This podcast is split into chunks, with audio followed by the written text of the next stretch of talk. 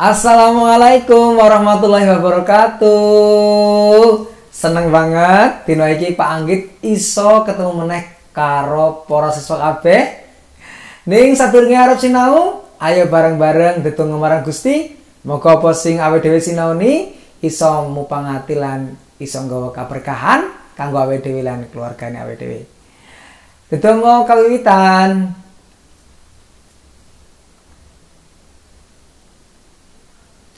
Netungga Purno.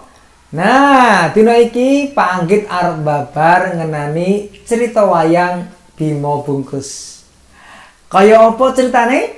Ayo bareng-bareng para siswa disiapake buku tulisnya catatan apa sing mbok anggap penting ya banjur engko ana pitakonan sing kudu diwangsuli mula ayo dirungokke kanthi tenanan lan ditingali kanthi tenanan ya. Ayo bareng-bareng iki ceritane, aja lali. Ono negara Astina madeg ratu asmane Prabu Pandu Dewanata. Nalika semono, garwane Prabu Pandu lagi ngandut. Iya, asmane Dewi Kunti. Dewi Kunti lagi ngandut putra angka loro.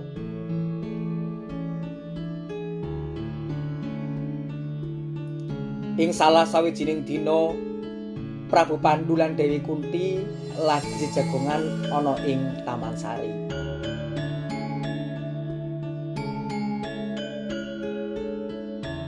Nalika jejagongan dumadaan Dewi Kunti ngrasakake lara ing wetenge. Lara kuwi tetenger menawa si jabang bayi kang diandut pengin metu saka guwa garbane ibune kepengin weruh kebiaring donya. Weruh kahanan permaisurine kang kaya mangkono banjur Prabu Pandu ngutus prajurit ngundang dukun bayi. Prajurit sing diutus sifat kuping. Langsung enggal-enggal ngayahi apa kang diperintah ratune. Ora let suwe dukun bayi wis nindakake apa kang kudu dilakokake. Banjur si Japang bayi kang diandut Dewi Kunti lahir. Ananging bayine malah gawe kaget pawongan sing ana ning kono. Mergo bayi mau beda kaya bayi-bayi liyane kang awujud bungkus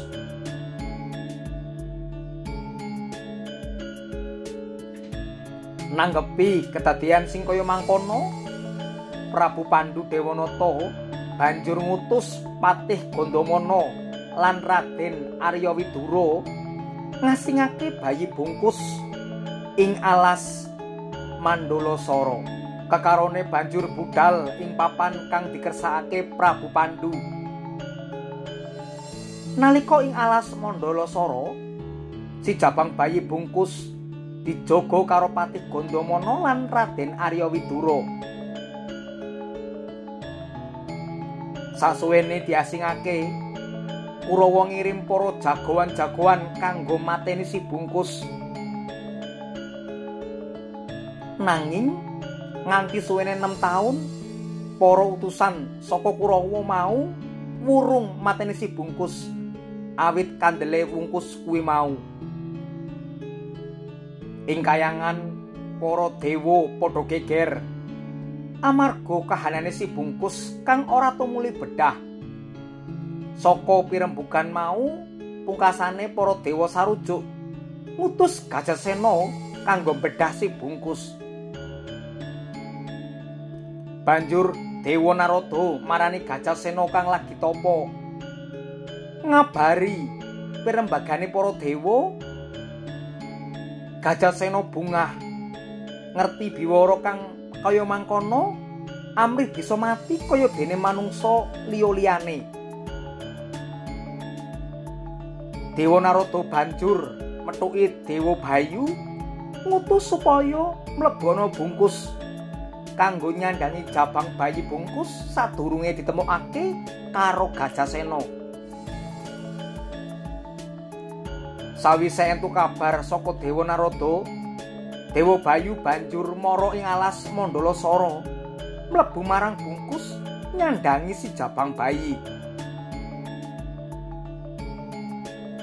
Ing papan liyane, Gajah Sena banjur nemoni si bungkus ing alas Mandala Sara. Kepethuk si bungkus, Gajah Sena banjur nguncalake jabang bayi mau. Ora mung diuncal-uncalake, si bungkus uga disuduki lan distruduk nganggo gadinge sing banget lancipe tur landhep. Amarga banget bringase tingkahe Gajah Sena bungkus bayi mau bedah bebareng karo metune Dewa Bayu. Amarga bungkuse wis bedah, jabang bayi metu. Ora kaya bayi-bayi lumrahe, awake cepet gedhe, kaya-kaya wis umur rolas taun. Ngerti yen mau diuncal-uncalake banget bringase karo Gajah Sena, bocah bungkus mau nesu lan tarung karo Gajah Sena. Beda karo bocah saumurane.